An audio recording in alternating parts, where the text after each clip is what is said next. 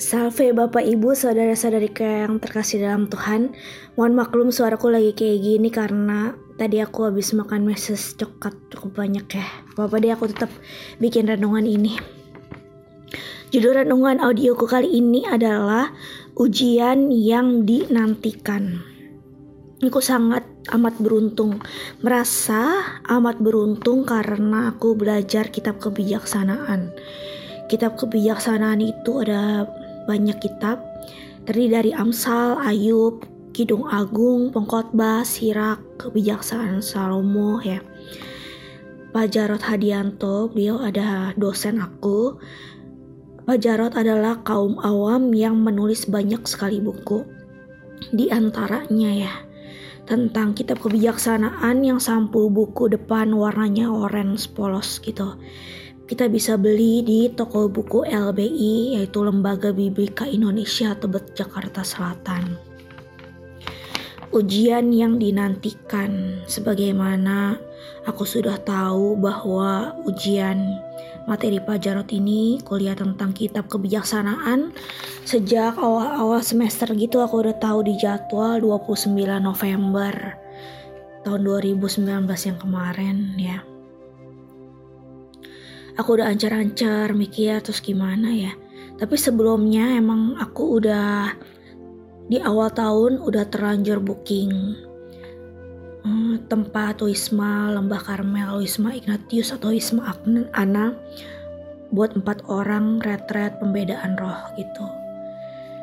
Dari awal itu aku juga nggak tahu kenapa aku tergerak sekali untuk booking tempat dan langsung bayar jadi nggak bisa di cancel uh, ternyata aku sangat bersyukur sekali Tuhan punya maksud dan rencana indah di situ.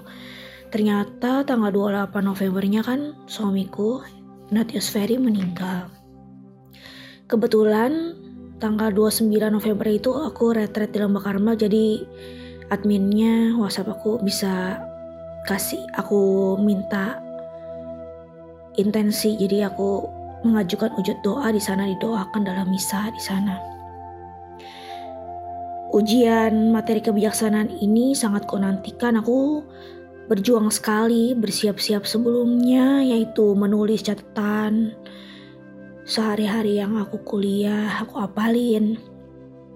Ternyata emang aku ada beberapa kali gak masuk, jadi aku ketinggalan pelajaran karena mengurus suamiku yang sakit dan ada berbagai macam keperluan. Kadang aku juga sakit ya benar-benar waktu itu aku izin sungguh-sungguh karena terdesak uh, keadaan ya untuk keperluan keluarga.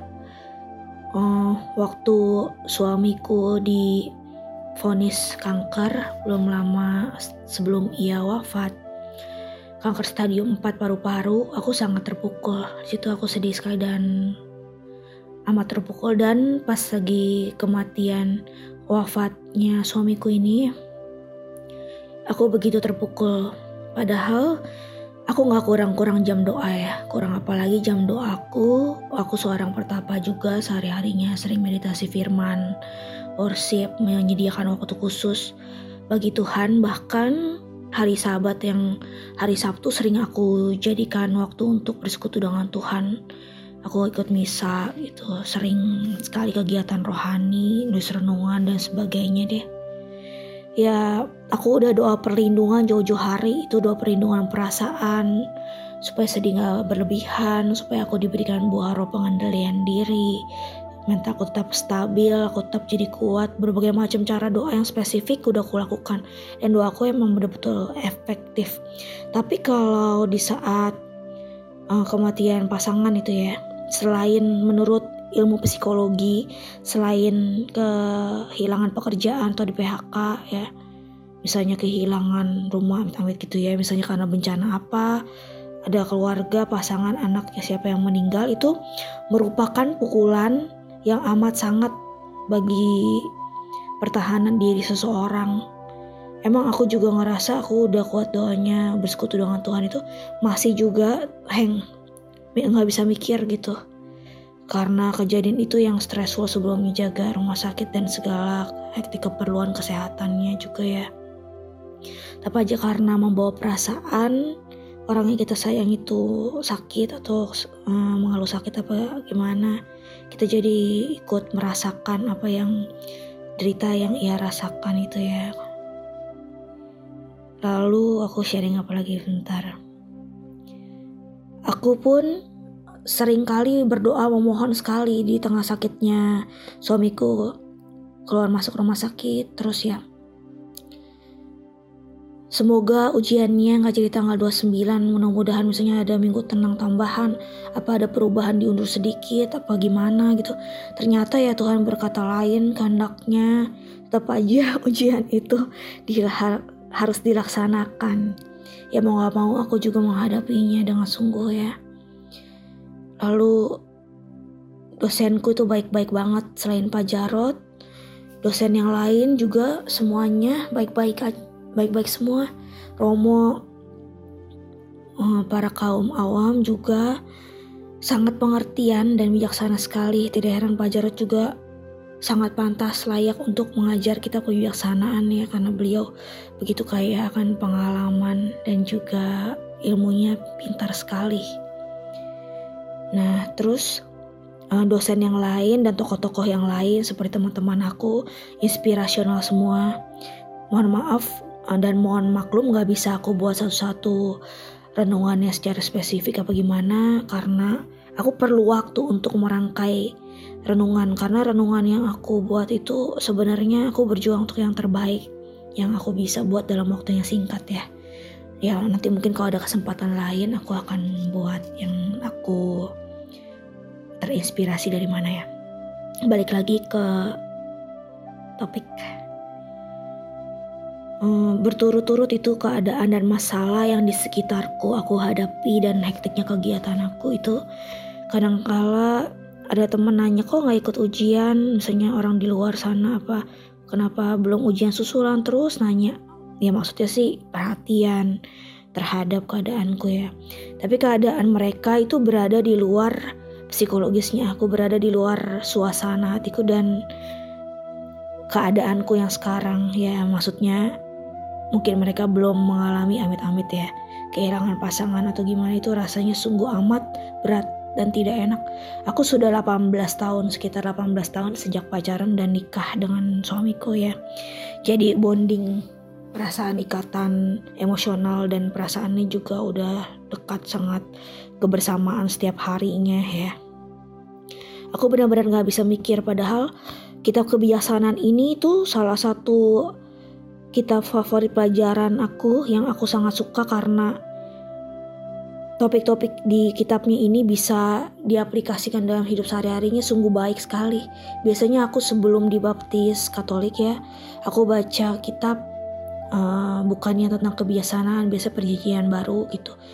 Ya, aku baru mengenal dengan sungguh sekali ketika belajar KDV ya. Dua tahun penuh aku ikut KDV, aku baca dua tahun jadi dua putaran Alkitab full ya setelah itu di kuliah ini aku mendalami lagi tentang kitab kebijaksanaan bisa dirangkai lagi untuk renungan untuk tulisan-tulisanku bagus sekali untuk nilai-nilai baiknya ya aku suka sekali terutama kitab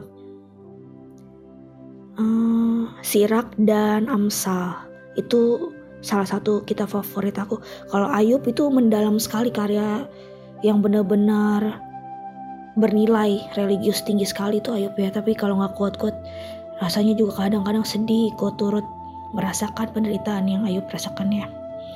Nah balik lagi ke topik ya. Aku merasa pendidikan Tuhan itu sangat berat ya terhadap hidup aku juga terhadap um, pengalaman kepahitan hidup dan kesedihan yang mendalam. Beruntung sekali aku mempunyai Tuhan Yesus yang begitu menopang dan baik sekali dalam menyertaiku dalam keseharianku terutama juga di pelajaran Alkitab kitab suci ini melalui para dosen yang mengajar dan teman-teman yang berjuang untuk belajar bersama jadi semakin bersemangat untuk mendapatkan ilmu yang baik ya.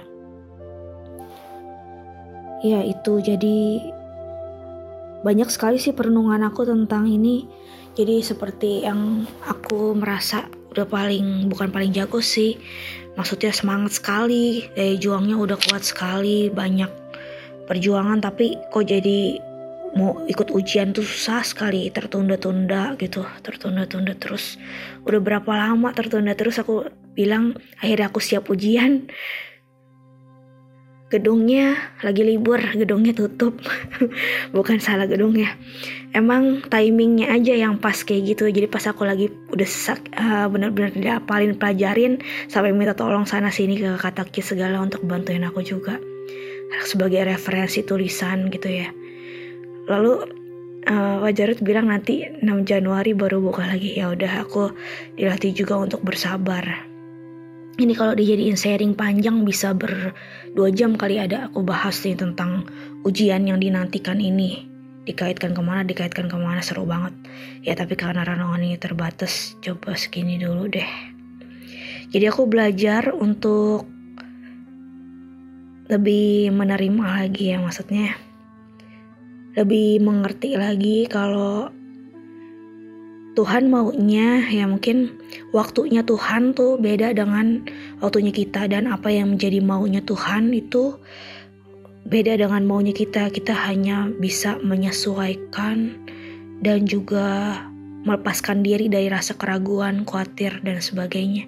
Aku banyak sekali diajarkan tentang segala pengalaman yang berkaitan dengan nilai-nilai baik juga.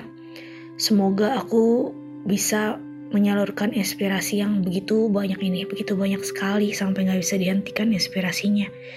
Semoga bisa jadi berapa ratus judul tema yang berlainan di episode podcastku yang akan segera meluncur. Semoga dalam waktu dekat ini, coming soon. Amin.